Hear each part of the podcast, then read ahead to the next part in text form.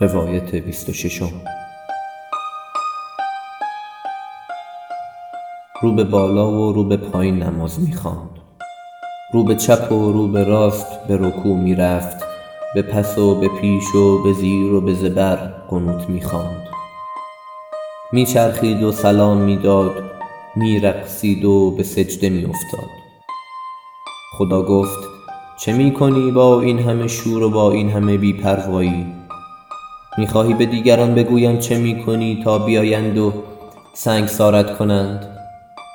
جوانمرد گفت تو نیز می خواهی به دیگران بگویم که چقدر مهربانی و چقدر بخشنده تا همه بی پروا طغیانت کنند؟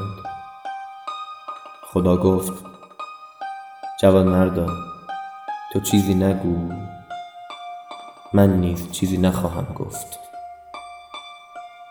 جوانمرد خندید و جوانمرد چرخید و جوانمرد رقصید و نام آن چرخیدن و خندیدن و رقصیدن نماز شد.